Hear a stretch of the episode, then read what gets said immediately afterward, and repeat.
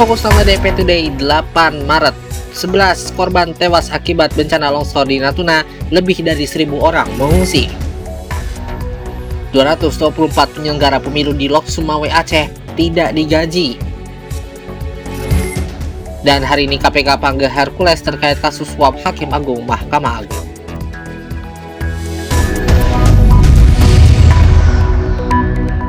Selamat datang di DP Today. Badan Penanggulangan Bencana Daerah atau BPBD Kepulauan Riau menjelaskan data korban meninggal akibat tanah longsor di Pulau Serasa, Natuna. Kepala BPBD Kepri Muhammad Hasbi menyatakan kepada Titik Sumut bahwa data resmi korban meninggal longsor tanah saat ini ada 11 orang bukan 15 orang seperti yang beredar saat ini. Data yang berkembang terkait 15 korban tersebut yang meninggal tersebut itu belum dikonfirmasi secara valid setelah dilakukan verifikasi dan konfirmasi, akhirnya didapatkan 11 korban yang meninggal dunia. Hasbi menyebutkan untuk mengantisipasi perkembangan informasi terkait longsor tersebut akan dibentuk satuan tugas atau satgas. Satgas tersebut akan dikepalai oleh Bupati Natuna dan di bawah pengawasan BNPB. Kondisi saat ini orang perlu mengucapkan informasi apalagi komunikasi terputus. Ia menyebut mudah-mudahan untuk terbentuknya Satgas di Bupati dan masalah informasi data juga teratasi. Serba-serbi menjelang pemilu serentak 2024 bersama Election for You. Kita lanjutkan dengan serba-serbi menjelang pemilu 2024 dalam Election for You, di mana sebanyak 224 penyelenggara pemilihan umum yang terdiri dari 204 panitia pemungutan suara atau PPS dan 20 panitia pemilihan kecamatan atau PPK di kota Lok Sumawe, Aceh, dua bulan terakhir belum menerima gaji. Untuk PPK di Lok Sumawe dilantik pada 4 Januari 2023 lalu, dan untuk PPS juga dilantik pada tanggal 24 Januari 2023. Ketua Komisi Independen Pemilihan atau KIP Kota Loksmawe Muhammad Tasar menyebutkan terjadi revisi anggaran di KPU Pusat menjadi salah satu penyebab keterlambatan pembayaran gaji penyelenggara pemilu.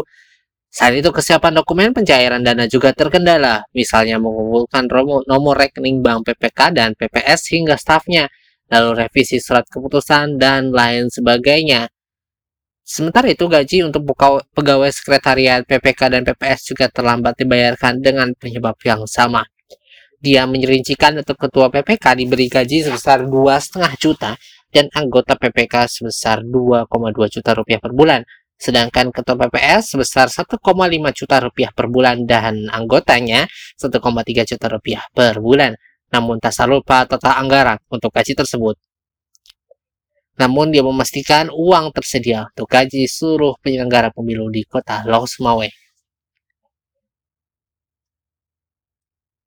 Dari Aceh kita menuju ke berita nasionalnya di mana KPU atau Komisi Pemilihan Umum Republik Indonesia buka suara terkait tidak menghadirkan saksi pada persidangan gugatan Partai Prima di Pengadilan Negeri Jakarta Pusat atau Jakpus.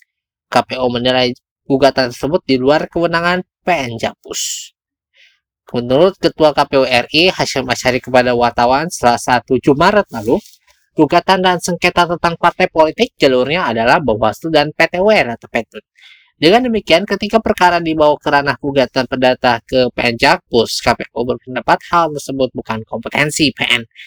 Kemudian menurut Hashim tidak dihadirkannya saksi dalam persidangan lantaran KPU merupakan pihak yang paling mengetahui kronologis perkara Partai Prima Sebab itu dia menyebut KPU tidak lagi perlu untuk hadirkan saksi. Berdasarkan diketahui ya, diketahui dalam persidangan di Penjakpus KPU hanya me memberikan kuasa kepada 43 anggota dan staf KPU RI untuk memberikan keterangan. Selain itu KPU RI juga tidak menghadirkan saksi dalam persidangan tersebut. Sementara itu Partai Prima mengirimkan dua saksi di mana kesaksian mereka dipertimbangkan oleh majelis hakim Berdasarkan salah satu pertimbangan itu, Majelis Hakim kemudian meminta KPU untuk tidak melaksanakan sisa tahapan pemilu 2024 dan melaksanakan tahapan pemilu dari awal sama lebih kurang 2 tahun, 4 bulan, dan 7 hari. Namun hal tersebut berpotensi berdampak pada penundaan pemilu 2024.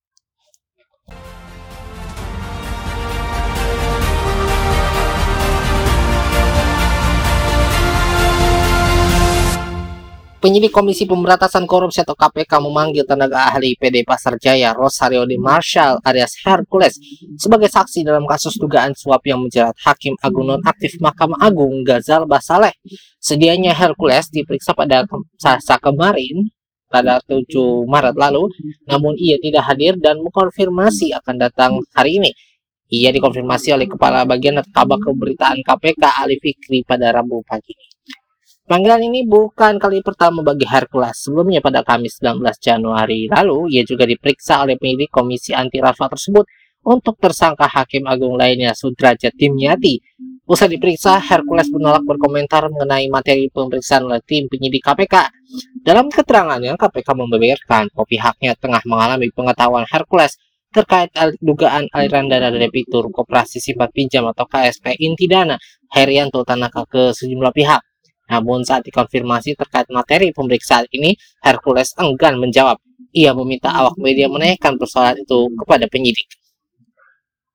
Perkara ini berawal ketika KPK melakukan operasi tangkap tangan OTT terhadap hakim, sejumlah pegawai MA, dan pengacara. Mereka diduga melakukan tindak pidana suap pengurusan perkara kasasi KSSP inti dana di Mahkamah Agung.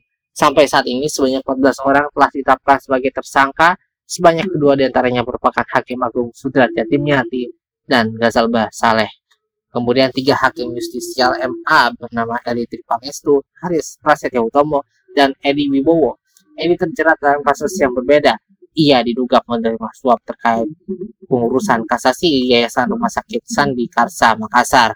Tersangka lainnya adalah staf Gazalba Saleh bersama Redi Novariza PNS Kepanitraan MA Desi Yustria dan Muhajir Habibi serta PNS MA Al Basri dan Nurato Akbal mereka ditetapkan sebagai penerima suap. Sementara itu, tersangka pemberi suapnya adalah Yosep Pare dan Eko Suparno selaku advokat serta Herianto dan Ivan Dwi Kusma Suyanto selaku debitur koperasi simpan pinjam inti dana.